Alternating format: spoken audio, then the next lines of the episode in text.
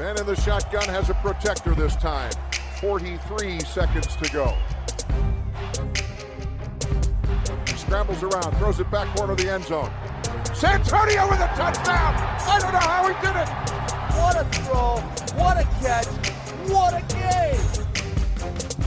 No, Mike 43, call 57. That suffocate him! Make him miserable all game long! Get us the ball back! You could love him or hate him, but he was Brad. Hej och välkomna till veckans NFL i dessa draftdagar. Jag heter Mattias, med mig har jag Lasse Thorman, Magnus Adolfsson och Rickard Olsson också. Hur är läget med dig Lasse? Eh, jättebra, jättebra. Rickard? Jättebra, det är jättebra. Vi har mycket att prata om idag. Magnus? Det, det är fint här med. vi har faktiskt inte så mycket att prata om idag. Just idag är det lite luftigare, men det, det brukar ju bara vara värre. Men vi får se var det landar. Men dålig disciplin är det fritt. Ja, luften måste ju fyllas med någonting. Exakt. Ja. Ja, det, eh, det ska vi nog lyckas med. Vi ska snacka lite eh, DBs idag, snacka lite cornerbacks och så ska vi också prata om NFC West. Eh, men jag tänkte börja med en grej. Jag vet att ni pratade lite grann förra veckan när jag inte var med om draften i år och hur det kan komma att se ut och sådär. Det kommer ju också ut här nu att Eh, jag vet inte vilken, eh, vilken sändning ni brukar följa, men ISBN och NFL Network har ju kört eh, sina egna sändningar. Men i år kommer de att köra en gemensam, vilket säkert blir lite speciellt. Det kommer ju inte att ha någon Rich Eisen till exempel som programledare, utan det kommer i första hand vara Trey Wingo och så kommer det vara massa olika personer och grupper som sitter på olika platser som man klipper till, till hela tiden. Vad tänker ni kring det upplägget? Eisen är ju jättetråkigt. Det, det här visste ju inte jag. Jag visste bara att han skulle ha med. Vad ska Rick Eisen göra då? Nej, han kommer ju leda någon, någon liten studiogrupp tror jag. Eh, med sitt vanliga gäng med Irvin och gänget. Men eh, det är inte han som kommer vara huvudprogramledare. Fel redan där tycker jag. Ja. Han är ju väldigt skön eh, i den rollen. Ja, Rick Eisen och Jeremiah som, som gjorda för det där. Ja, det känns som att det kan bli lite rörigt. Alltså jag vet inte om de hade tänkt att göra det, men om de ska ha liksom olika team som sitter på olika ställen, att det kan bli rörigt i att de sitter och klipper till så här, ja ah, men vad tycker ni? Och så kommer man till en ny expert, liksom rad som sitter och säger, ah, jag vet inte riktigt. Rick Eisen har ju den konsten att fylla ut en lång draft med att prata lite så här eh, dra ut på argument och bolla det fram och tillbaka. Ska han in lite så här, nu har du en minut så faller stor del av, av hans skärm tycker jag. Man kan ju vända mm. på, på det också och säga att det kanske är en, en möjlighet att upptäcka lite nya personligheter. För just om man tänker på att de flesta drafter jag har sett så har Eric Eisen varit ankaret och motorn. Trey Wingo kanske kan, eller någon annan kan överraska. Ja, det är, de, de som brukar vara på ESPN det är ju Mel Kiper, jag har ju varit där, det är hans 37 år i rad tror jag. Men, men man har, de har ju också med han Louis Riddick som jag tycker är bra, mm. som många pratar om, en potentiell eh, general manager i NFL. Och sen Boogie McFarlane som kanske inte har rosat marknaden från kommentatorsbåset. Han får en ny chans här. Och sen så kommer de ha eh, Net, NFL Networks vanliga gäng där med Rich Eisen, Daniel Jeremiah, Michael Irvin också, Kurt Warner. Men jag tror att de kommer klippa fram och tillbaka. Ingen aning om hur det här kommer funka. Wingo kommer ju sitta, vad jag har förstått, ensam i en studio då. Och så kommer han ju skicka då eh, till eh, Kuiper eller Riddick eller McFarland. Och sen så ska de då skicka till, det kommer ju bli väldigt mycket fram och tillbaka känns det som. Eh, de kommer säkert lösa det på ett snyggt sätt, men det låter ju lite stökigt. Istället för att kameran bara ligger och vilar på Ison och gänget där. Lite som Arne Weise som sitter ensam där i en fåtölj och, och drar igång. Ja, ja. Alltså, vill man att något ska hända så är det bara ge Bugger ordet. They picked him and that means he's been drafted. Exakt, lite klyschor och lite, lite Captain Obvious kommentarer. Det vore bra. Eh, nej, vi får se hur det blir. Eh, som sagt, ni pratade lite grann om det förra gången så vi behöver väl inte gå in på det så mycket mer än så. Men eh, det blir en unik eh, sändning på alla möjliga sätt. Eh, men kul att det äntligen händer någonting. Det har ju varit lite dött i sportvärlden och nu har väl NFL alla möjligheter att suga åt sig rätt många ögon här. Eh, eftersom det inte händer så mycket annat. Vi har ju pratat i 111 eh, dagar om draften här, men vi kanske ska slänga ut en påminnelse när, det drar igång. När, när är det det drar igång? 23 april är det torsdag. Det är väl nästa torsdag som det drar igång på mm. eh, Missinassen där. Jag tror att det börjar eh, 02 svensk tid. Kan jag ha rätt där? Ja, 01 eller 02? 02. 01 eller 02 tror jag. Ja. Tar du 02 där Magnus? 02 sen på fredag brukar det börja 01. Mm. Och sen eh, någon gång eh, 18 tidig på- kväll på Ja, lördagen 18 där. dag tre brukar det vara.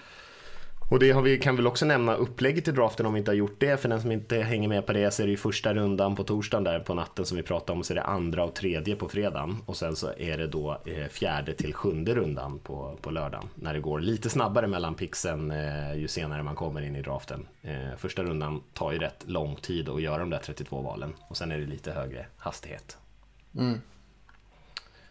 Eh, vi ska snacka om cornerbacks idag sa vi. Ska vi börja med positionen va, och avsluta med divisionen? Det är väl det upplägget vi brukar ha. ja, men det tycker jag. Och eh, precis som på en del andra positioner så kan man väl säga att vi har en ganska tydlig nummer ett här, eller vad säger du Lasse? Ja, absolut. Eh, nummer ett och så ett litet getingbo bakom i tycke av smak. Men, all, men alla har väl eh, Jeffrey Okuda och Ohio State som nummer ett. Och inte bara vi utan alla. Alla i hela världen har honom som nummer ett. Pratas ju om ett eh, troligt topp 5-val och kanske till och med väldigt högt. Eh, lite beroende på vad, hur det faller sig där uppe med alla quarterbacks och sånt där.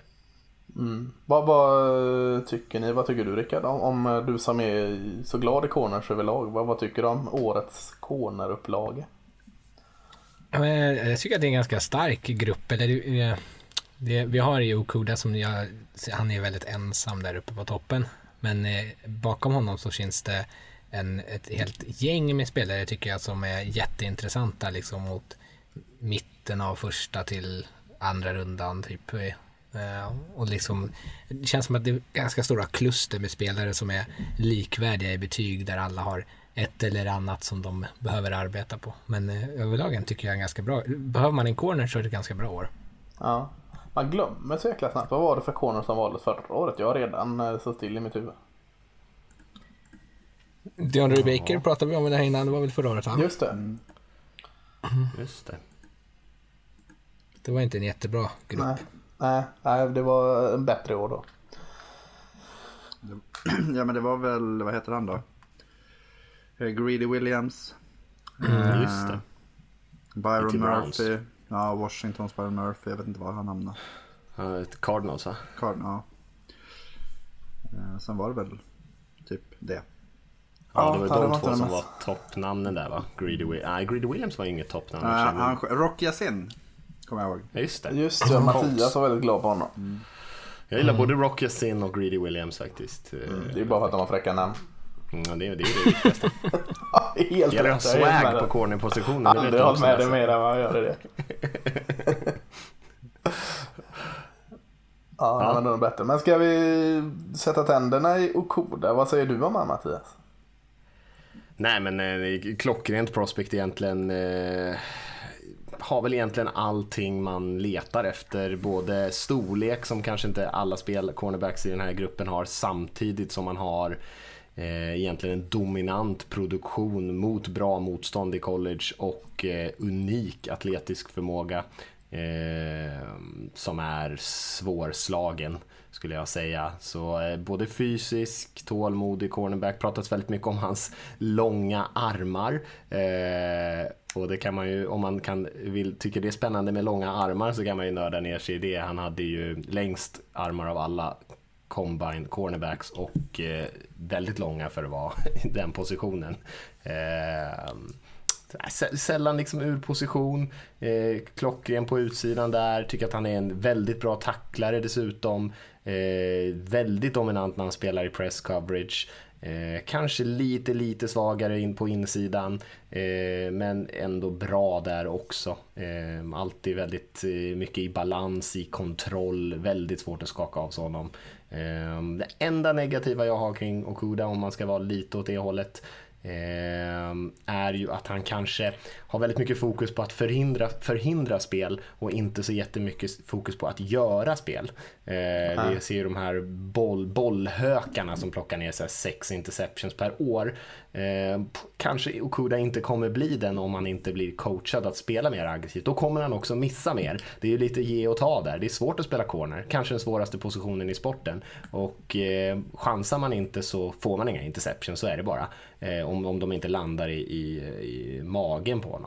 Men eh, han har spelat eh, 27 matcher i sträck här utan att tillåta mer än 50 yards in i sitt coverage. Och det säger ju att han är oerhört stabil. Eh, men som sagt, kanske skulle kunna spela lite, lite mer aggressivt för att, att vända matcherna med lite turnovers. Mm. Vad, vad, Magnus? Nej, men jag, jag håller med i det Mattias säger och jag, jag tycker det som sticker ut mest är ju hans man säga, jag, jag kallar det befogade självförtroende. Att han litar verkligen till sin både fysiska och liksom spelintelligens. Eh, han, han vågar vänta in spelet och sen så exploderar han och gör det. Eh, och jag tycker att det är häftigt och det, ofta är det det som jag tycker skiljer en riktigt, riktigt bra corner och jag tror att det är det som gör att han, eh, att han är ett topp 5-val i den här draften. Är det är just den här tilliten till sig själv hela tiden. Så att han behöver inte chansa på något sätt utan han vet att jag kommer, jag kommer göra mina spel och bara jag väntar in lägena. Han behöver liksom inte chansa. Mm. Är du ivrig att få flika in något Rickard? Eller? Nej, jag tycker att ni säger det mesta. Det, det är sällan jag tycker som man hittar som är man har den här typen av eh, college-spelare som man känner direkt att fan, han kan kliva in och vara liksom på en ö som det heter där han lämnas ensam på sin sida med, med liksom motståndarnas bästa receiver och han liksom kommer klara det bra och liksom vara en av de bästa i ligan redan liksom de första åren i sin karriär och så, så känner jag med Okuda. Shit, ja, jag är inte lika hög. Alltså jag, jag har han som tydlig nummer ett. Men, men eh, jag tror det kan ha lite med det här som vi pratade om förra årets eh, draftklass var inte så jäkla stark på cornersidan och man, man, man vill lyfta upp en corner nu. Nu vill, behöver vi en bra corner här. liksom. Då blir Jeffrey Kuda. Självklart kommer han vara bra men, men eh, det är ju inte nästa eh, Revis eller eh, primetime på den. Jag, jag ser inte riktigt det. Tycker han är oerhört fin man, man. Det har jag stor respekt för sådana som är det. Men håller med Mattias lite där att han eh, inte så produktiv. Jag är ju väldigt glad i de här eh, bollhökarna. Eh, jag har blivit bränd flera gånger när jag tippat dem för högt. Men ja, eh, hur många matcher sa du Mattias att han hade spelat? Eh, 27. Så 27. sen, sen början på 2018 har jag ja, men han har väl varit starter det sista året va? Har inte det Magnus? Jo.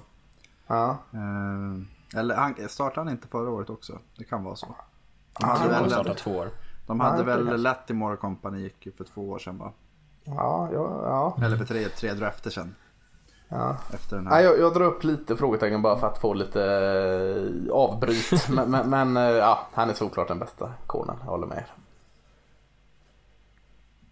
Ja, nej, eh, jag håller med er. Eh, för mig är det en vä- väldigt klockrent prospect. Jag håller med Rickard väldigt mycket där. Det är, det är, Lasse kanske är inte riktigt lika glad honom som en Jalen Ramsey till exempel eller Larry Moore. Men jag tycker att han är uppe på den eh, nivån. Men det kan man ju Ja, såklart det är jag nog debattera. eh, ändå trots allt. Det är Ja. mest att jag tyckte han har höjt så väldigt högt så jag tar ner han lite bara. Eh, ja men Okuda känns ju som att vi inte behöver säga sådär jättemycket mer om. Kommer säkert få höra sitt namn väldigt tidigt i draften, eh, vilket som. Och eh, vem, vem, vem är våran tvåa? Det är, det är alltid klurigt med våra gemensamma listor här, för våra egna listor kan ju se helt eh, annorlunda ut. Men eh, vem är tvåa på vår gemensamma? Ja men du hade lastat upp en fin lista där. Är det inte Jeff Gladney från TCU?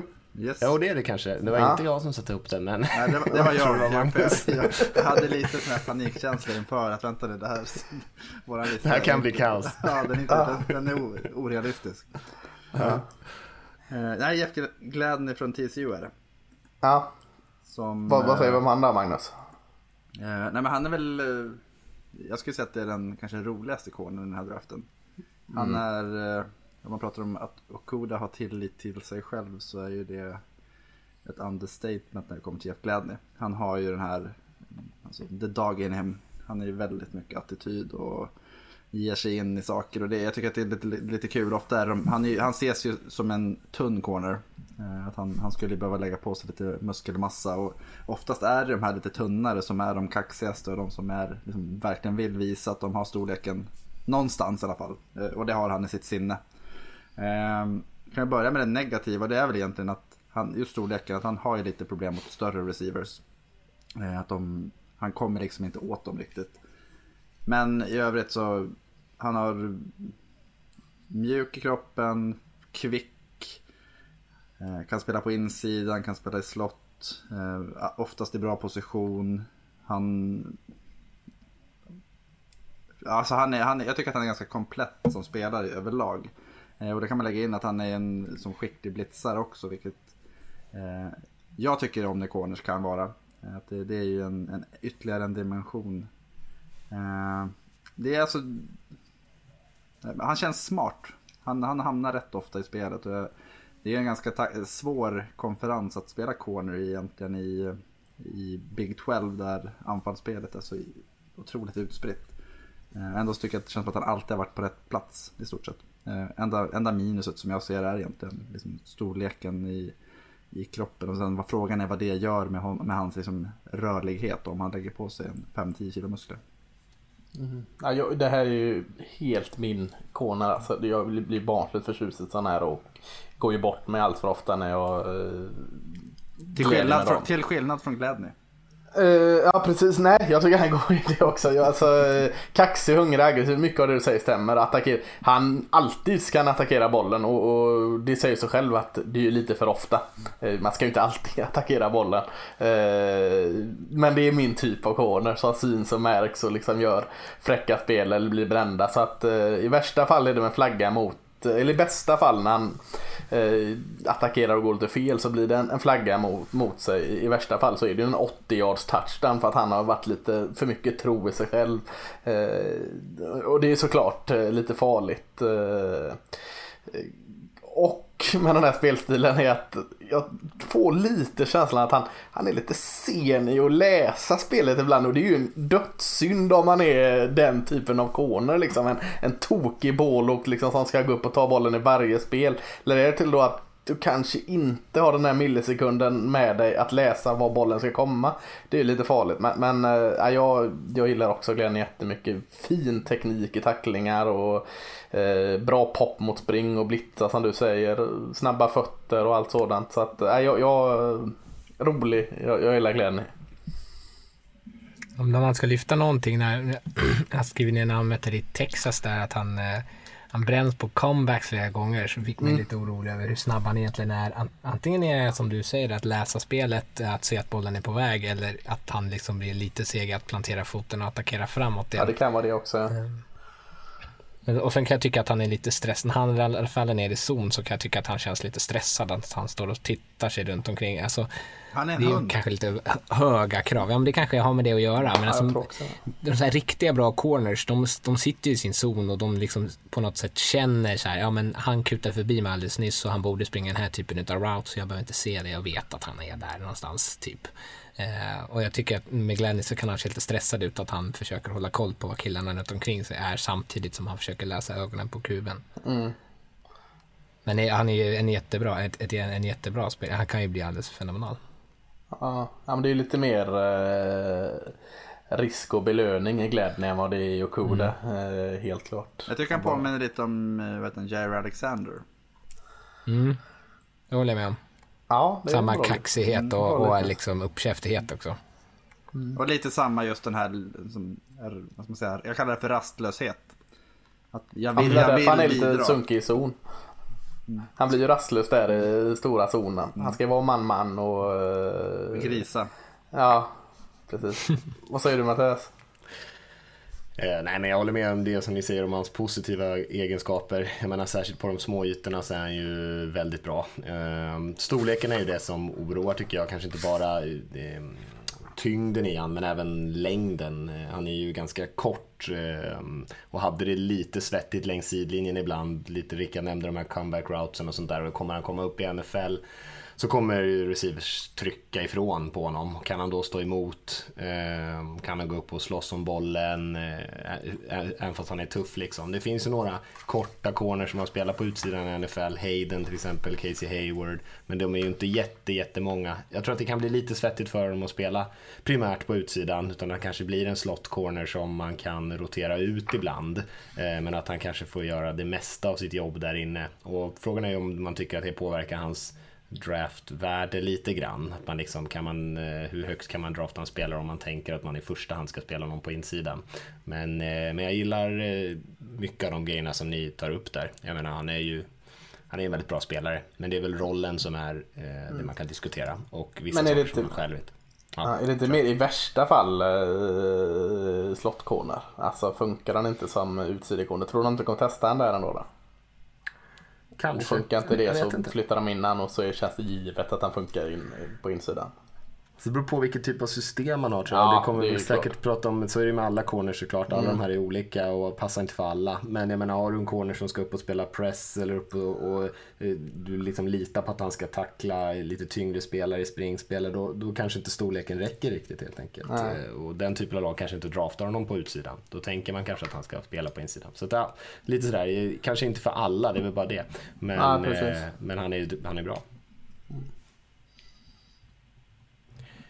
Trean, kan det vara CJ Henderson kanske? Från Florida? Ja. Stämmer. Och Mattias, ju med dina... eh, Du har tagit upp om Okudas armar och att du tycker att eh, glädjen är lite för kort. Så jag fattar ju att du gillar sig Henderson för jag tycker han, han ser ut som han går och trampar på sina armar. Väldigt långa armar och lång och ståtlig. Så, så jag fattar att du är glad i honom. Eh, Men, visst är det så? Ja, nej, men jag har honom eh, efter Okuda såklart, ganska långt Mm. efter Okuda, men före eh, Gladney som vi nyss pratade om. Eh, ja, men de är ju han är, de är lite olika. Han är ju som, som du säger en eh, längre, större spelare, ändå en väldigt spännande atlet tycker jag. Eh, ganska mångsidig spelare, men kanske framförallt den här zonförsvararen om, om Gladney inte det. Om, om jag tycker att Gladney kanske passar bäst i att, att matcha upp man-man på insidan, vilket är en jävligt viktig roll ska jag säga. Det lät som att jag sa att han inte liksom eh, var värt något för att han inte spelar på utsidan. Det är ju en jätteviktig spelare typ. Men eh, Henderson är kanske en annan typ av spelare. Den kanske är mer åt den här uh, cover 3 som många lag spelar i NFL eh, och spela i zon. Ehm, men han eh, spelar ganska passivt, ganska avvaktande. Eh, jag tycker han nästan lite grann ut som en safety när han spelar ibland. Eh, kollar och liksom bedömer situationerna och attackerar när han tycker att det är liksom rimligt. Men han har alltid varit en playmaker i collegefotbollen och producerat väldigt mycket. Så han har ju de instinkterna någonstans. Snabb, även kvick på små ytor, bra fötter, eh, orädd tacklare. Kanske inte särskilt bra tacklare, men orädd. Så jag tycker att det är en lite, lite oslipad spelare, men eh, ganska bra just nu och ett högt tak tycker jag att man kan säga om, om Henderson i alla fall. Eller tycker jag i alla fall att jag ser. Mm. Ja, men mycket. Har du också haft två Rickard eller? Han är min trea. Eh, jag håller med om det mesta. Som liksom en vanlig klassisk corner bara där på utsidan så tycker jag att han är jätte, alltså som en man corner. Eh, typ, eller zon också. Men jag tror att han kan göra allting där han eh, får ett stort ansvar i passförsvaret. Jag håller inte med någonting om att han är en villig tacklare. Han är jag tycker han är, jag jämföra honom med Greedy Williams i hans oförmåga att delta i springförsvaret. Eh, liksom. Det känns som att han, han hänger lite där i bakgrunden. Han ger, han ger sig sällan in, han undviker frontalkrockar när han kommer spelare rakt mot honom. Eh, Tycker du så- det? Ja, jag, jag, jag, Jag håller med. blir, och jag avskyr den typen av spelare. Eh, och, då är, och ändå har jag honom så högt, just för att han är så bra på att spela på bollen. Men eh, han känns som att han eh, tar mycket sådana här eh, business decisions. Alltså jag tycker han, han ger sig in, jag tycker han ger sig in i det men, men gör det väldigt dåligt. Eh, det tycker jag också. Ja, men det, Ja, alltså han är ju, att, det är ju alibi. Ja, det kanske är det då. Men liksom, han är ju Precis. ändå där liksom. Och det är ju inte så att liksom, han är som en matador liksom, hoppar undan tjuren. Han är ju där och, och, fastnar och gör en halvdan tackling utan teknik och styrka. eller- Och, och, även som du säger, du gillar blitzande. Han är ju även en effektiv blitzare. Så att, jag tycker han är där och gör grejer ändå. eh, Fast det är en annan, alltså jag håller med helt med Rickard. eh, Och dig också när det gäller Blitz. Att jag tycker att han är bra på. Jag, jag, jag, alltså, Ravens har ju Marcus Peters, så jag känner väl igen lite av den här att jag håller mig i närheten av där det händer men jag väntar tills eh, någon annan kommer att göra det. Jag vill inte, jag vill inte få den här 240 kilos klumpen över mig. Eh, och ja, ja, alltså ja, det är väl det som är jag såg någon diskussion om det typ i januari där man pratade om som vad spelar det för roll om en är du en riktigt, riktigt bra cover corner eh, och det är där du kommer göra ditt jobb då spelar det ingen roll vad du gör i springförsvaret för han är jag tycker han är direkt svag i springspelet det är nästan som man säger nu kommer de springa då är det bara att byta ut honom egentligen. Han, han, han, vill, han vill inte vara med där. Alltså, jag tycker springförsvaret, ja, det kan man väl säga, ja, det kanske inte är det viktigaste, men, men tacklandet är ju fortfarande viktigt. Alltså särskilt i Mm. NFL, dagens NFL där liksom varannan pass är under två yards, då är det då är ju halva cornerjobbet handlar om att få sin spelare till marken ändå. Så det måste man ändå vara bra på. Eh, sen kanske Mm. Och det är ju inte vara, liksom. Nej, han är ju ingen bra tacklare, det är vi i alla fall Nej. överens om alla fyra, även fast vi kanske, liksom modet är vi kanske inte helt överens om, men Nej. eh, han är ju inte en bra tacklare. Intressant att ingen har tagit upp hans eh, tvålhänder. Jag tycker alltså, fasiken vad dåliga händer han har. Han borde ju så- haft eh, 10 pix liksom. Men, Signalerna eh, ska ju gå i de här långa armarna. ja, ja, det är klart. ja. Fasiken vet De bara blir längre och längre. Ja, det är som gadget. Fast i utfält. Nej men han är ju, jag tycker att han är grymt bra i cover. Alltså där är han ju, alltså Okuda-klass skulle jag säga. Ehm, bra speed. Jag tycker att han är som, han sätter inte fötterna fel speciellt ofta. Eh, och det är det som är grejen när man tittar på hur bra han är i cover och hur, hur han använder sig av sin fysiska förmåga där. Då blir det ju löjligt i springspelet. Så, och när det kommer till den typen av saker. Att han, han, har ju liksom, han skulle kunna göra det bättre. Men solklar runda ett tycker alla va? Ja, jag tror han går topp 20. Ja. Ja, jag tror också han går högt. Bra. Vem var det som fyra Mattias? Ingen aning, fråga Magnus. det är jätteroligt att det är ju eh, en av dem som, är, som fick mig att känna att listan var orealistisk. Han sjönk ju ner till, han sjönk två platser från två till fyra och det är ju eh, Damon Arnett från Ohio State. Och han har väl också bara startat ett år tror jag. Eh, han, han har nog bara startat ett år och han är ju senior. Vad har du att säga om det Lasse? Ja, sparat, sparat sig. Eh, det är också, eh, jag tog upp det med Okuda så att eh, den passningen är helt rätt att lägga till mig. Det är också ganska tufft att ta en startplats som cornerposition de senaste åren och Ohio State. De har spottat ut en del sådana. Nej, men han kom lite från ingenstans och ytterligare en sån här bålåk som jag eh, blir alldeles för, för förälskad i. Eh, chansa, chansspelare. Alltså han, få, han fick ju väldigt mycket att jobba med eftersom Eh, alla quarterbacks med lite innanför pannbenet valde ju inte kasta mot Okuda. Så Arnett fick ju jobba som fasken den här säsongen. Eh, så det kan ju hända att jag eh, lite ofrivilligt eller omedvetet lurades och såg mycket med Damon Arnett som jag gillade för att han hela tiden fick bollar mot sig. Men jag tyckte han gjorde det jättebra. Risktagande, säger sig själv, ibland på gott och ibland på ont. Eh, men Pix, eh, jag, jag är svag för det. Eh, som han säger, han blir bränd men eh, spelar med väldigt högt självförtroende, atletisk, smidig, eh, tycker han funkar oerhört bra man-man. Eh, fint fotarbete och eh, ja, jag vet inte hur, han används inte så mycket i, i, jag vet inte om Ohio State inte kör så mycket med den typen av zonförsvar för att eh, i varje fall inte på någon sida så mycket. Jag såg han inte så mycket eller så var det bara jag som var dålig på att se. Jag, jag, jag fick inte riktigt någon vett på hur han såg ut i zon så det där är ett litet frågetecken. Eh, eh, men samtidigt så de gångerna han spelar i zon så tycker jag att många av pixen kom just där. Så att jag är lite så här blandad. Eh, få, få, eller lite tid i zon men, men ja, nej jag, jag gillar honom. Jag tror att han skulle komma till sin rätt. Chase Young bättre. skulle komma fram på till QB'n så de bara skickar upp sina corners och störa receiven Ja. Pretty much. vad sa du Rickard? Jag tror han skulle komma till sin rätt bättre i ett sånt Ja, system än jag han också är lite nyfiken på För det. jag tycker, det känns som att han bränns lite. Han står lite på hälarna ibland när han möter skickliga eh, receivers. Han är, jag tycker han är mycket bättre när han får stå i zonen och får läsa QBns ögon liksom, istället.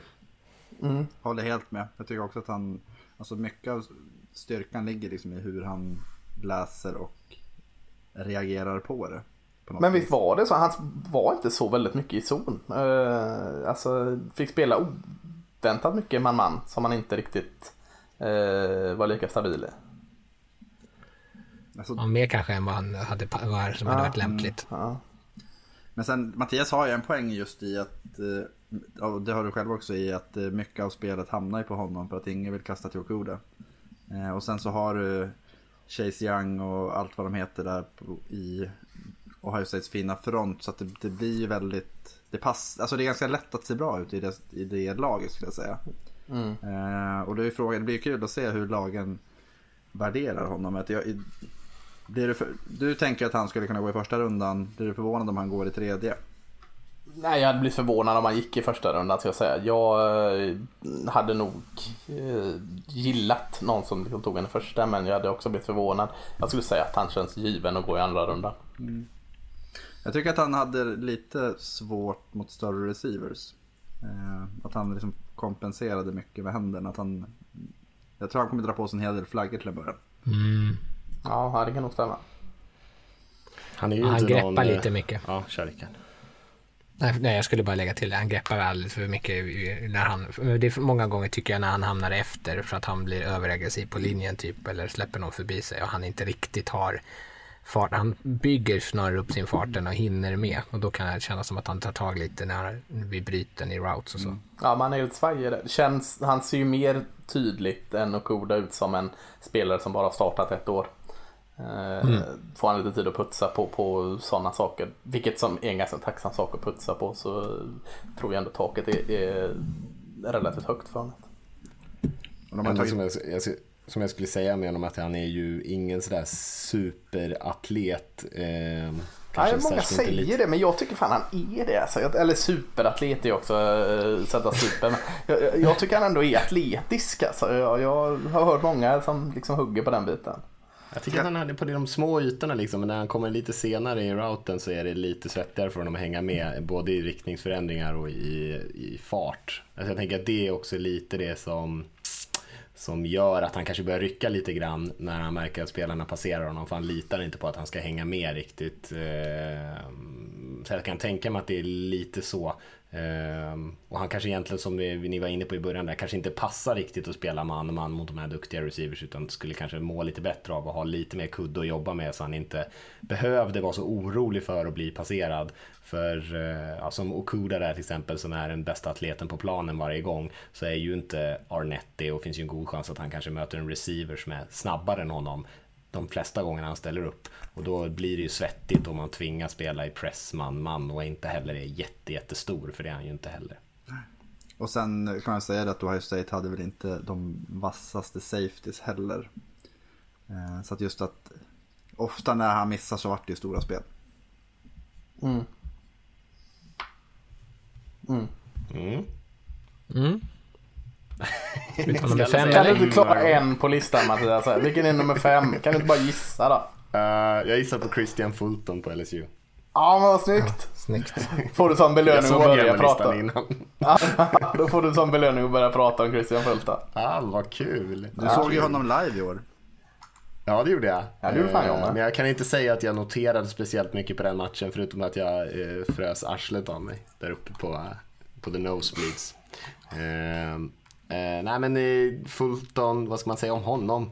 Eh, ganska kvick spelare tycker jag. Eh, ganska bra fötter, ganska hyfsat explosiv. Tycker han eh, rör sig ganska smidigt. Jag vet att några har kritiserat lite hur eh, liksom, rörlig han är i riktningsförändringar och sånt där. Jag tycker att han sköter det ganska bra, i alla fall tidigt i routen lite grann som sa där nyss eh, om Arnett, Eh, men tycker att han har väldigt bra instinkter och förståelse för vad liksom, receiven försöker göra. Men sen är det kanske det där att han saknar den här djupa speeden lite grann. Eh, missat lite tid i, i college för lite olika eh, klantiga grejer och är väl kanske inte särskilt sådär fysisk heller i springförsvaret. Jag har väl lite, jag skulle lite magstarkt att drafta Fulton sådär jättehögt. Jag tycker att han är en helt okej spelare Eh, med inte så jättehögt tak som, ehm, som kanske inte heller kommer bli en total bomb, men eh, kanske en spelare som man draftar kanske som sin tredje corner eller en spelare som man tänker att man ska rotera in med möjligtvis att han skulle kunna utvecklas och bli lite bättre. Men det, jag skulle inte välja honom som en spelare som man tänker ska bli liksom lagets bästa corner. Eh, jag tycker inte riktigt att han har den, den uppsidan. Nu är jag lite tuff mot Fulton där, men det är väl lika bra så får ni vara lite positiva. Ja men Rickard får vara det. Jag har för mig att du var väldigt glad fan, i jag Fulton. älskar ju Fulton. Ja. Jag fattar inte. eh, Man sitter ju och pratar om hans lilla kollega där som kommer ut i draften här nästa år. Om Eh, två år, men- Stingley. Är de två år till och med? Ja, och Stingley. han är bästa- Fulton var bäst- bättre än, nej. ja, Fulton var bättre än honom hela året. Stingley är en bättre atlet, men han är fan, han var fan inte lika bra. Fulton är så, han är, åh, han spelar med sånt härligt lugn och, och så, så tålmodig i allt han gör. Jag tycker att han är jämnt i position och han är jättetajt i coverage. Eh, jag tycker att han spelar, när man tittar matchen mot Alabama till exempel så, så kan han också visa att han hanterar i stort sett alla typer av receivers. För han får både täcka Ruggs och han får täcka Judy och han får täcka eh, Smith och alla de här. Små, jag tycker alla honom är jättebra. snabba. Sen, Om du, om du pratade om Jeff Gladney mot Texas, har du sett eh, Fulton mot Texas? nej, det har han faktiskt inte Nej, gjort. nej. Ser det illa ut alltså? Ja. Så illa ut. All, alla DB i den matchen såg illa ut i båda lagen. Ja, Jag får väl gå och kolla det då.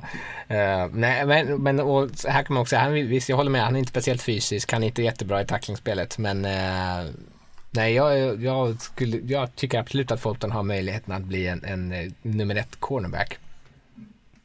Ja. Eh, jag ska, ska jag välja, ska jag ta en eh, liksom sida i, i Olsson-familjen Det måste det. Så väljer jag ju eh, Släktfejden.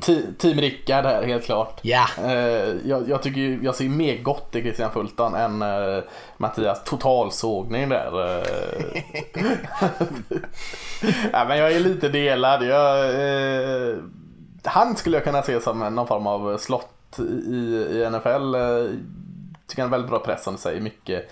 Eh, och han, det sa du också Mattias, säger bra instinkter. Alltså han är och det har att göra med det Rickard säger, så jag parar ihop det här nu igen, fejden. Att eh, han ser ständigt lugn och fin ut. Det är ju på grund av eh, hans fina instinkter. Han är ju inte en, en bålhåk, men han känns ibland lite som en, eh, eh, vad, vad kallar man det, semihök då. Som, som väldigt sällan blir, blir bränd. Eh, och får nästan aldrig panik och drar på sig dumma flaggor och sådana saker. Så att, eh, ja, jag, Jag tror, tror- ni är inne lite i samma på Fulton där. Jag tror inte att man kallar det för semihök, men vi kan börja göra det från och med nu. Ja, han var semihög igen. Men han är väldigt slarvig i tacklingarna. Eh, usch, dålig teknik och ingen vidare kroppskontroll när det, när det kommer till den biten. Så, så det måste han putsa på. Alltså jag, jag tycker så här att han är en sämre variant av Henderson. Att de har ju lite samma styrkor. Eh, en orsak till att Stingley såg väldigt, väldigt bra ut i år är ju för att Fulton var väldigt bra. Att man kastade mer åt Stingley. Eh, så att han... Och någonstans så landar det i att Fulton är smart, han är rörlig, han är ofta i rätt position. Så att så länge det är passspel så är han ju bra. Jag, jag, ja, eh, Det är ju det här med försvara springspelet. Jag, jag, ja, nå, någonstans så måste man ju låta det eh, liksom bero. För att det är ju inte det som är hans primära uppgift. Eh, jag tror att det kommer bli bättre i NFL för där kommer det ställas mer krav på att det blir så. Att han, att han är mer aggressiv. Men jag, jag, jag lägger mig på båda sidor någonstans tror jag. Eh, Just det mellanmedel. nej, men, nej men alltså det, Så får man inte göra. Ja, Okej, nej, men, nej, men då är jag nog mer åt Rickards håll. Att, att han är ju väldigt, väldigt bra på det han ska göra bra. Eh, sen kan, kan man önska lite mer i andra delar tror jag. Och det, det är väl det som någonstans ligger honom i fatet. Och det växer ju i en draftprocess någonstans. att Okej, du gör inte det här på ett bra sätt. Då drar vi ner dig så här mycket. Alltså, Greedy Williams hade väl lite samma. Han föll till andra rundan. Jag tror att Fulton kommer gå samma med öde till mötes. Mm. Ja. det är nog möjligt. Eh, ja. Eh, Vågar du, vågar du på verkligen att inte summera topp 5-listan Mattias? Oj, ja. Vi hade Okuda högst upp. Jeffrey Okuda på Ohio State. Sen hade vi Jeff Gladney från TCU. Och sen CJ Henderson från Florida. Och sen hade vi Damon Arnett va, från Ohio State. Eh, han också. innan vi rundade av med vem det nu var vi pratade om alldeles nyss här. Christian Fulton på LSU. Snyggt. Snyggt. Vi har ju några spelare som vi faktiskt inte har nämnt här. Vi skulle ju kunna gå en liten vända och nämna några spelare som, eftersom vi har eh, på vår lista på NFL Supporter så är det väldigt tight mellan betygen ska man säga. Så det är väldigt eh, lite som skiljer typ 3 4 mot eh, 8 9 typ. Eh, och därför är det ju ett gäng spelare som är ganska högt rankade på många andra platser som vi inte har pratat om än så länge. Eh, ska vi lyfta ett par stycken av dem kanske? Kan ju vara snyggt kan jag tycka. Även fast vi har kliv- kommit igenom topp 5-listan. Det Måste man lyfta en som andra har högt alltså? Eh, Kan man inte ta någon jag få lyfta sleeper en som jag någonstans har då? Lyft vem du vill. Ja, Bryce Hall i Virginia. Eh, mest för att man inte ska glömma honom. Han eh, skadade sig tidigt 2019 och spelade inte. Så eh, stor fysisk corner. Eh, perfekt i zonförsvar. När hans lite stela och tröga stil inte syns lika mycket. Eh, som emot honom. Men eh, tråkigt uttryck. Men en förståndig playmaker skrev jag någonstans. Det låter ju sådär. Men, men eh, det känns som Bryce. Ja, väldigt så här förståndig playmaker. Det låter jäkligt tråkigt. Eh, Men eh, zon och jättefin mot spring med bra tacklingar och, och eh, jag tror så här, nästan där spelare som alla tränare pratar så gott om honom och hur naturlig ledare han är på och utanför plan och allt det där gottiga man vill höra. Så att, jag säger inte att han ska vara med på topp 5-listan men jag tycker han ska nämnas för att eh, han har lite fallit i glömska efter sin skada. Han var sjukt bra 2018. Ja, men jag tar vid. Eh, Nu förväntar sig alla att jag ska prata om Cameron Dancer eller Jadon Johnson. Ja. Och det tänker Ja. jag inte göra. Det tänker jag inte göra. Eh, Får jag välja den jag helst av allt pratar om så är det Amick Robertson från Louisiana Tech. Eh, En liten, de, de kallas Bulldogs och det är Alltså egentligen den beskrivningen, han är lite tanigare än en Bulldog men han är ju verkligen den här slot receiver som kommer vara en superstjärna om tre år. Kommer gå kanske i tredje eller fjärde rundan. Jag skulle tro att han går ganska tidigt i, dag, eller tidigt i runda tre. Men han är allt det du gillar Lasse. Han är ju en bollhök. Näsa för bollen. Han gillar att tacklas. Han skyr inte att komma upp i run support och smälla på ordentligt. Och ibland går det bra, ibland går det inte bra. Alltså, han- han är ju väldigt, väldigt rolig att se på. Eh, och det kan ju vara bra, men han är också väldigt, väldigt bra på det han gör. Det är ju sällan han missar. Han har jättebra blick för spelet. Han är aggressiv, han är fysisk, han är snabb, han läser spelet, har fina reaktioner. Alltså han är ju verkligen... Hade han varit större hade han ju gått topp 10. Ja, spännande. Ja, jag gillar honom också faktiskt. Han är fin. Rickard, Ska jag, ta någon? ska jag ta dem? Eh, jag, tänker, jag tänker fula, tänker jag ta två. För först ska jag först, självklart Jag nämnde tre, min, så att- eh, Ja, precis. Eh, Noah Igbenogany. Eh, nu, eh, jag uttal. vet inte exakt hur man Var det det? Tack. Nej, jag, jag, jag, Eh, fuck you. Eh, från Auburn eh, som, eh, som jag älskar jättemycket och det är mest för att han, där är en sån otrolig uppsida, det är en sån fantastisk atlet eh, och man ser det på honom hur, hur bekymmersfritt det är för honom att röra sig på planen. Och han har bara spelat positionen i typ två år tror jag. Eh, han, han är före detta wide receiver. Så, eh, när han ser bollen framför sig så är han jättebra på spelaren. Men han har verkligen ingen känsla för att vända sig i rätt tidpunkt och, och hitta den. Utan då det är han alldeles för fysisk mot sin receiver istället och kommer säkert dra åt sig en massa flaggor inledningsvis. Men jag gillar honom mest bara för att han är så eh, otroligt smidig och han har ett så högt tak. Så han ligger väldigt högt upp på min lista, nästan orimligt högt. Eh, och sen den andra, det är inte, det är inte självvalt, men jag, jag, är, jag har blivit eh, jag fått ansvaret att prata om Luke Barco från San Diego State University. Eh, Han försöker nästla sig in i den jävla podcasten. Det är Jonas som det är. Jonas, ja precis. Igen! Som, igen ja, han är överallt. Han Mest i Twitter. Har fått Eh. ansvaret också. Det låter ju... Han sa att jag var tvungen att lyfta honom. Eh, så det ska jag göra. Men han är också faktiskt ganska kul. Blackmaila oss.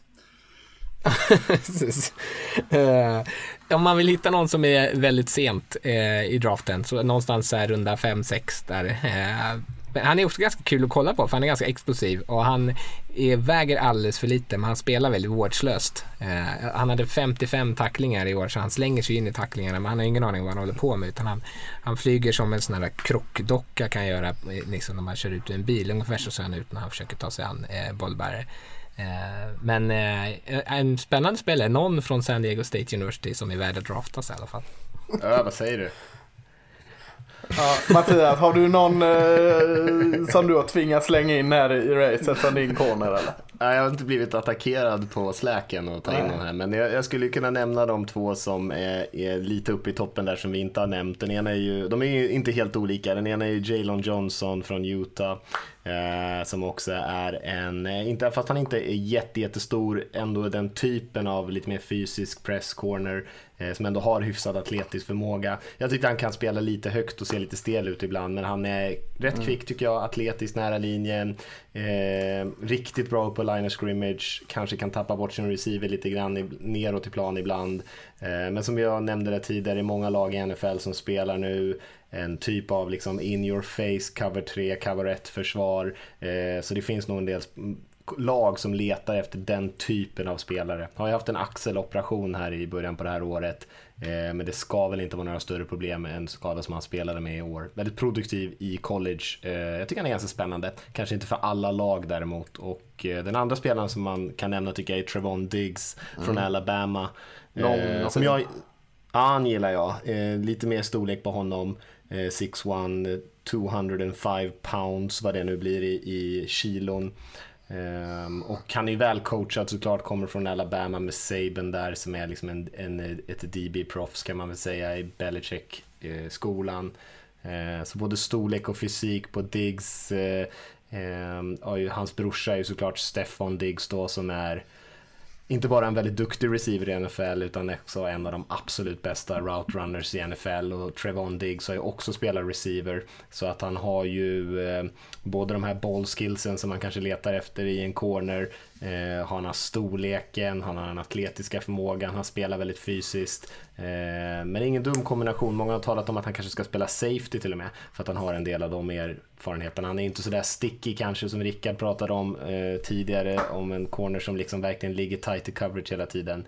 Eh, men eh, attackerar bollen bra, har bra instinkter eh, och det finns mycket att gilla. Och sen är det såklart som med alla Alabama-spelare, de kommer från Saben där ehm, har, har de redan pikat i college?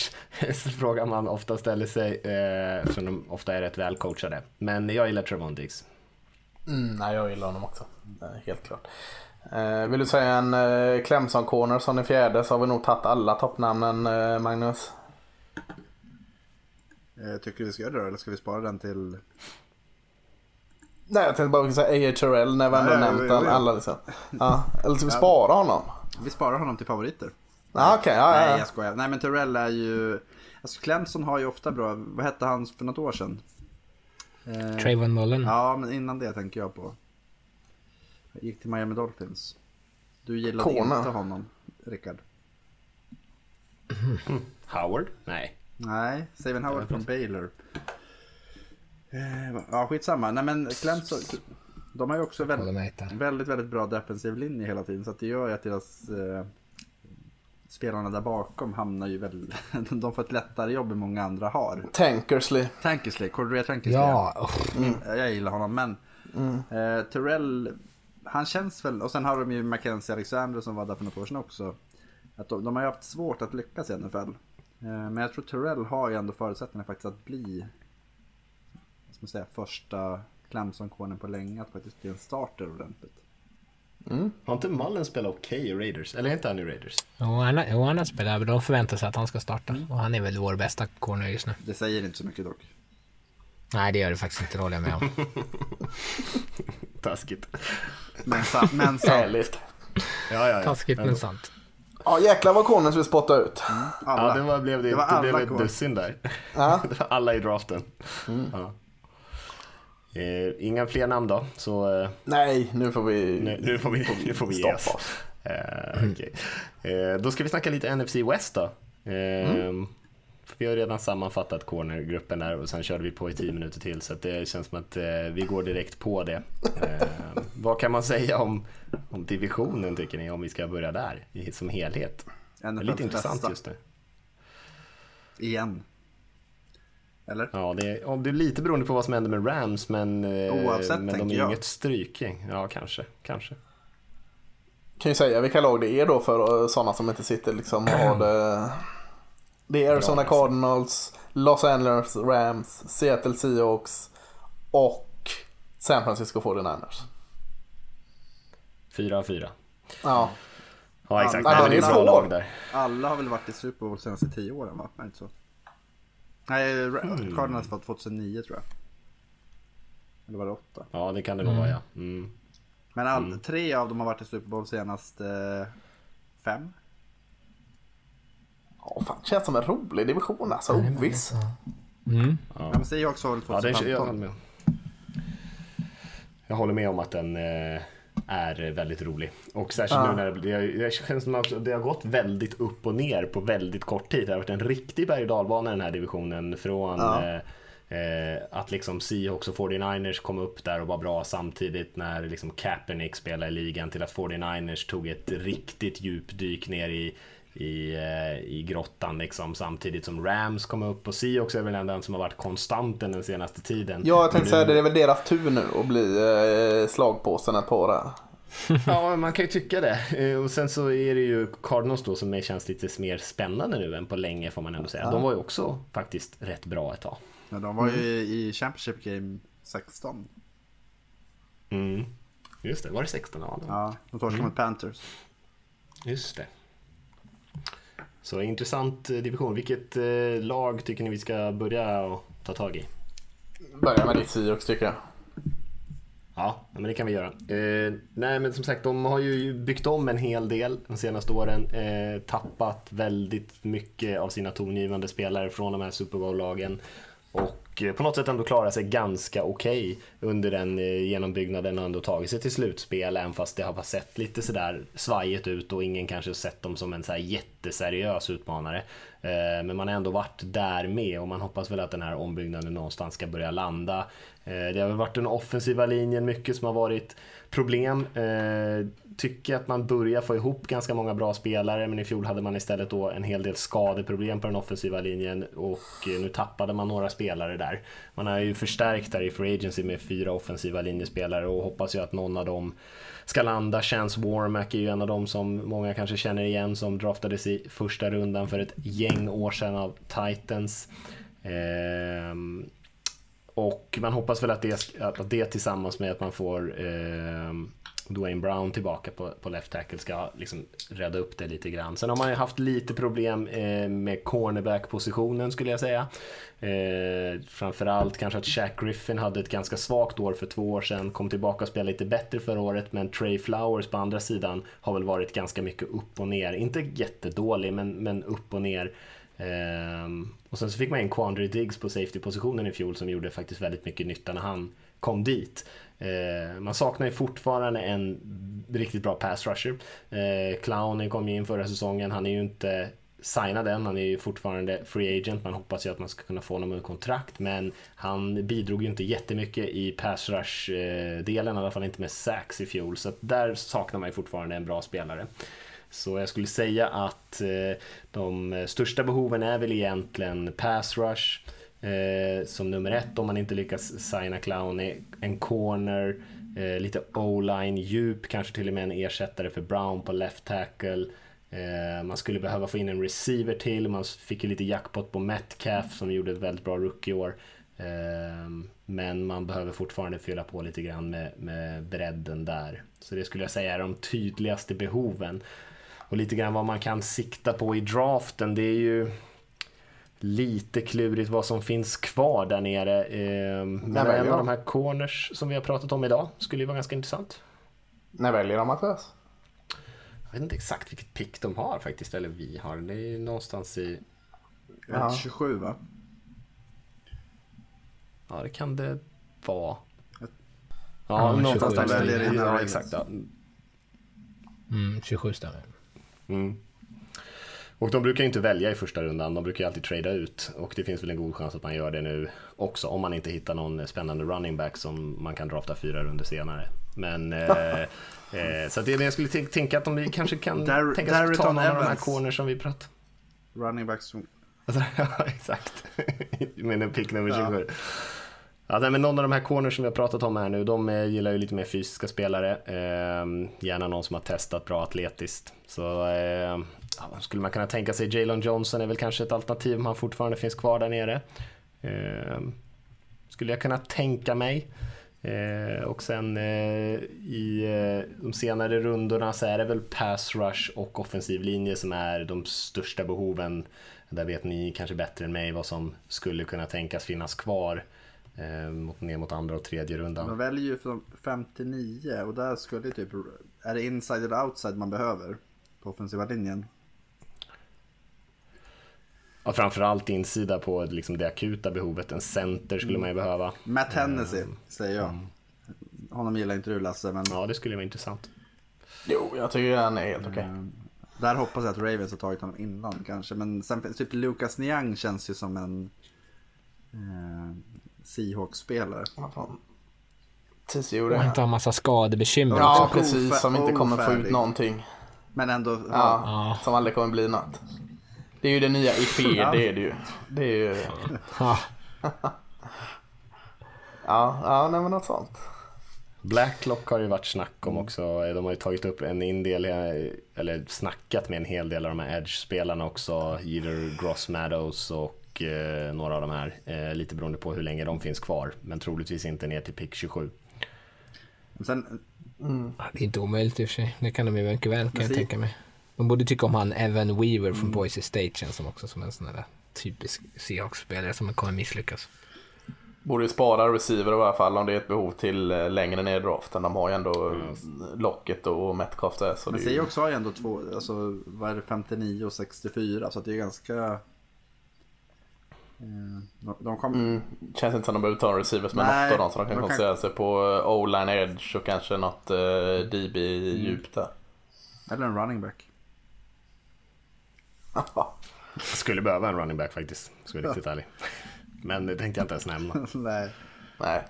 Nej, eh, typ så Antonio Gibson. Någon av er som har koll på honom från Memphis. Han, känns Han han känns ju bara. som en sån Russell Wilson skulle kunna ha jättekul med. Mm. Fast, Alltså som, som ett ja, passalternativ men mest precis, tänkte du? Eller Han är bara som någon sorts receiver, gimmick? running Ja. back, eh, allt möjligt. Han är ju en, Mm. en sån här gimmick-spelare. Eh, Men, men han är, har ju Mm. väldigt, väldigt mycket gimmick i sig på något vis. Att han, han kan göra mycket. Och det känns ju som om man, om man pratar om att de ska ha någon skillspelare så är det den typen av så Alvin Kamara. Fast han är ju mer åt receiver-hållet än vad Kamara är. Men, men ändå liksom. Det skulle vara kul att se, se också. Jäklar vad länge vi pratar om Seahawks nu. Mm, trevligt. Ja, finns det några andra lag? 49ers måste vi prata om mer. De var ju ändå i Super Bowl.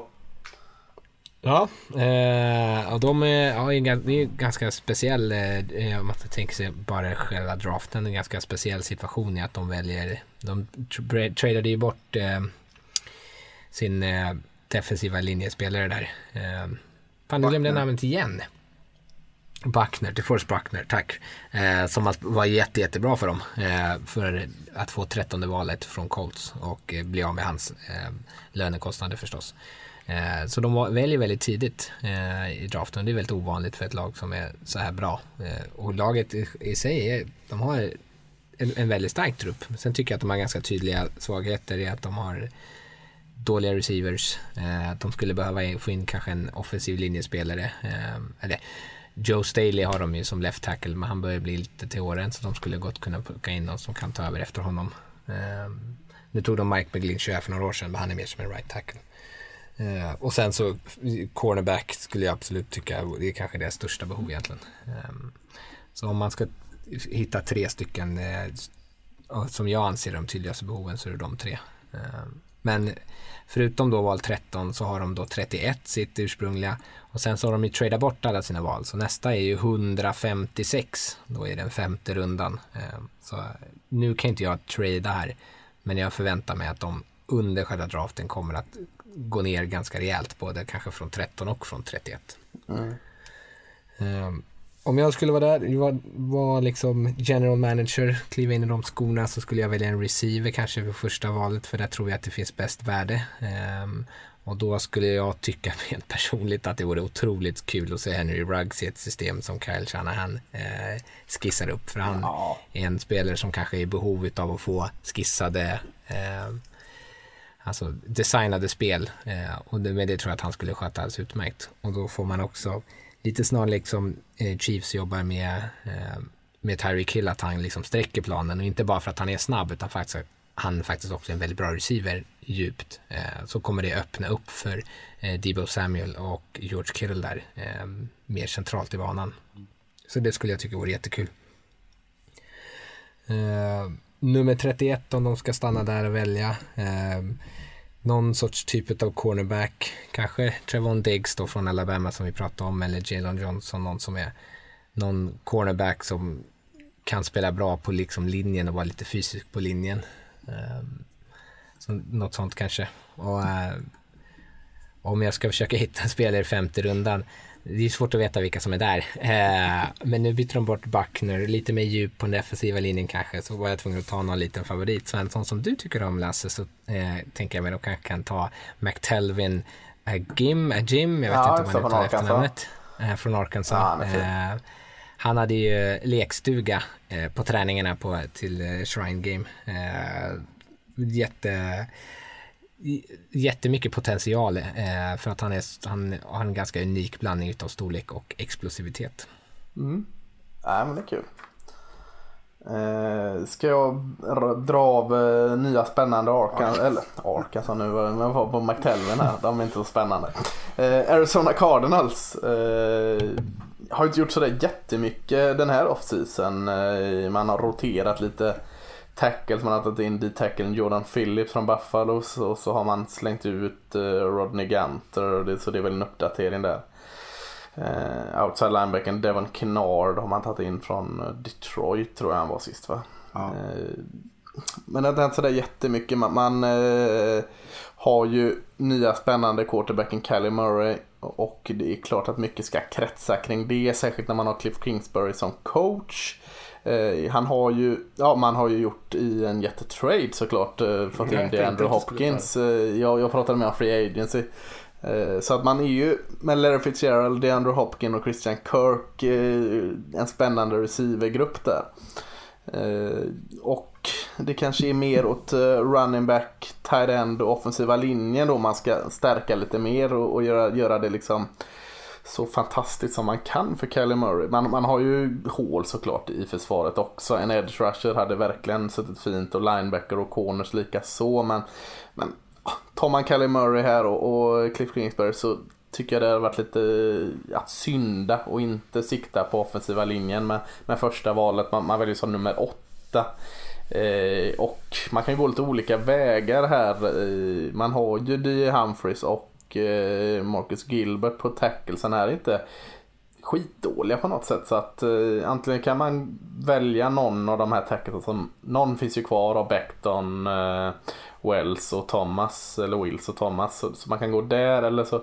Men jag blir lite mer lockad av eh, Tristan Wirth som han finns kvar och sätta in han som guard där eh, och stärka upp den linjen med det. Men med något av det, en, en tackle eller en guard med, med åttonde valet eh, brukar väl oftast falla på en tackle när man tar så högt upp så eh, kan ju också Worth spela. Så, så eh, jag är ganska inställd på att O-line absolut inga alternativ med val 8. Sen väljer man inte i eh, runda 2 utan man är nere i runda 3 med val 72.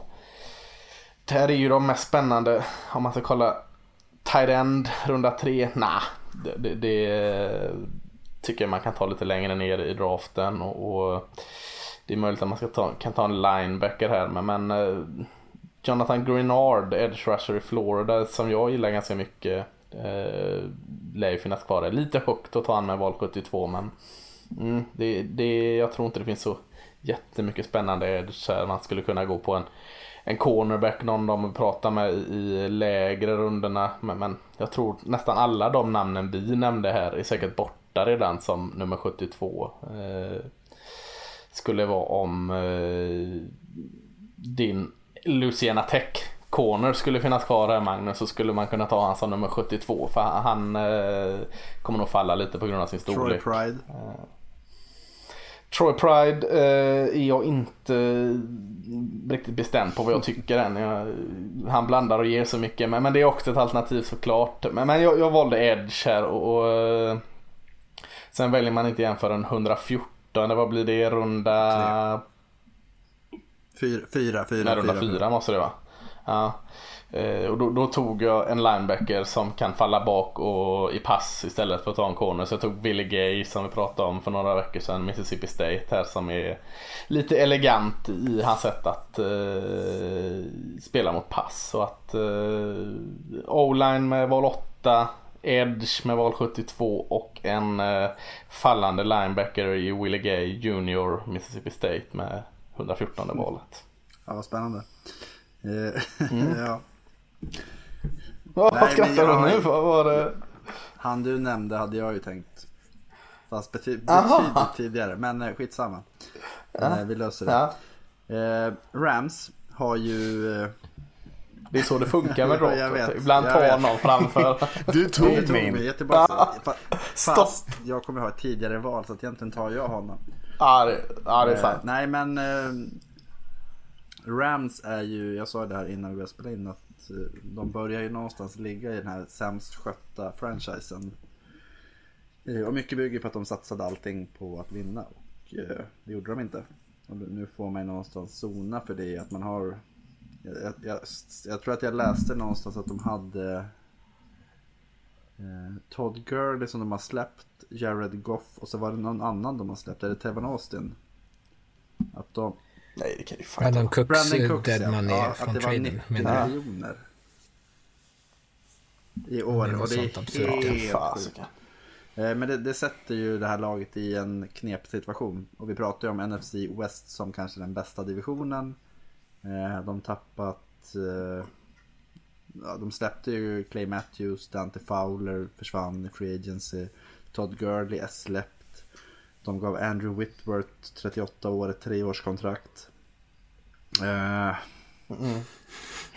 Eh, ja, ja, de tradar bort alla sina första rundsval för ett, eh, tio år framåt för Jalen Ramsey. Det finns mycket hål, det finns lite kapital. De väljer ju inget i första utan de har två val i andra rundan och det är ju är det 55 tror jag att det första är. Det är Ravens. De har 52. Eh, Jag tycker att eh, som sagt, det de har bra, det är ju, jag tycker de har bra safeties. Eh, de har ju Taylor Rapp och John Johnson som de har draftat rätt högt de senaste åren. Eh, De har en jättebra defensiv linje med Aaron Donald, Michael Brockers och så tog de in Sean Robinson som nose tackle. Eh, och det är väl lite det jag tänker att det- man vill ha in när du har en sån bra och tung defensiv linje det är ju speed. Så jag skulle kunna tänka mig typ att Julian Okwara eller Josh, Josh Uche från Michigan respektive Notre Dame. Som sant. speed edge rusher som kommer in. Nu har de tagit in Leonard Floyd och det var ju lite mer hans. Han är också speed. Eh, men det är det någonstans jag skulle vilja ha en pass rusher med fart. På val 52. Vi kan säga Uche bara för sakens skull. Och sen har de ju val 57 och där tänkte jag Willie Gay faktiskt. Eh, Att ha en Ah. inside linebacker som också är, alltså han är ju en, en hund som attackerar. Han skulle ju få väldigt fina hål att jobba i hela tiden. Eh, Men istället så, Malik Harrison är ju tvärtom.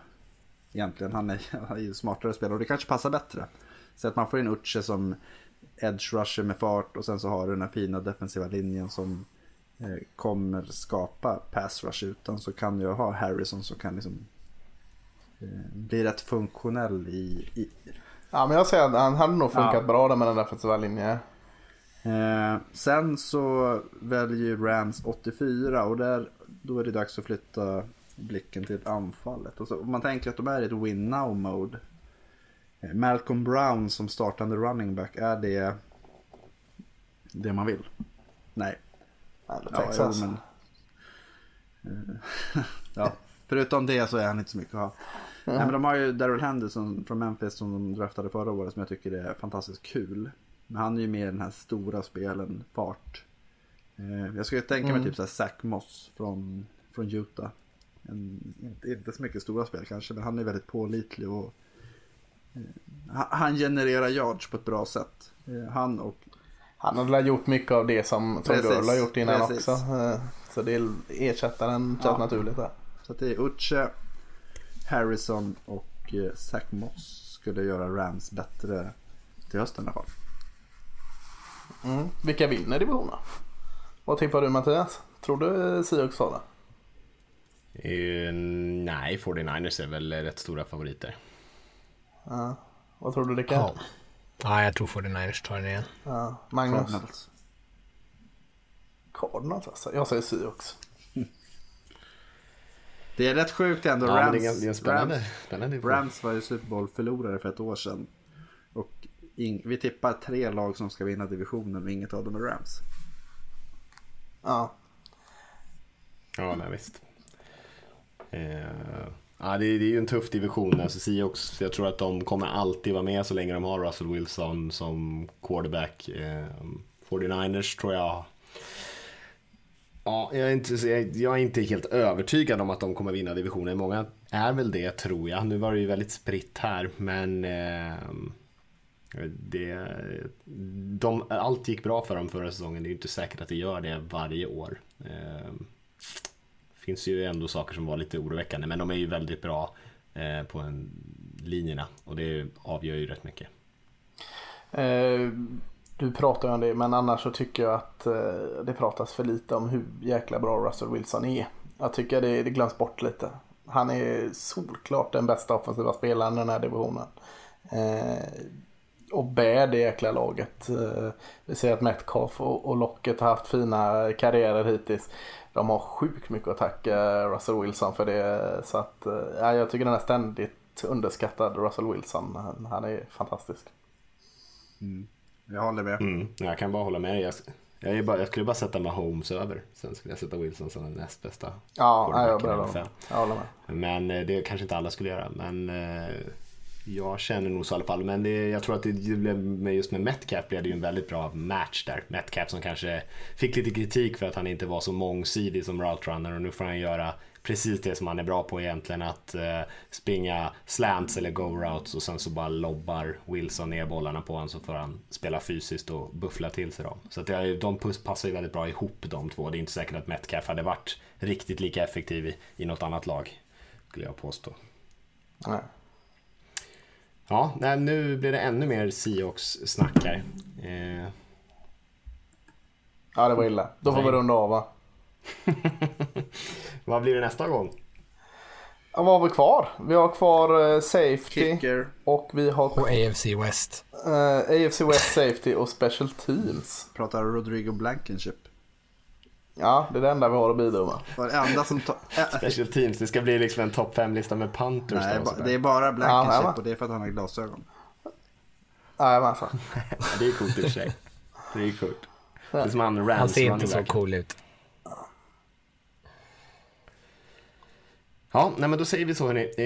Eh, bra tjötat, många corners blev det. Lite NFC West-snack eh, och Safety och A- AFC West då, nästa avsnitt. Och det blir inte nästa vecka utan eh, det blir ju inspelning här bara om någon dag för att vi ska hinna trycka in allting här på slutet. Eh, så blir det högt tempo eh, de här sista dagarna. För det är ju faktiskt bara, nu spelar vi in här på tisdagskvällen, det är alltså bara nio dagar tills det är draft. Vilket känns eh, ganska crazy och jäkligt kul. Det ska ju bli hysteriskt roligt. Men eh, så vi tackar för oss. Tack alla ni som har lyssnat så eh, hörs vi snart igen då. Det gör vi. Ha det gott. Ha det bra.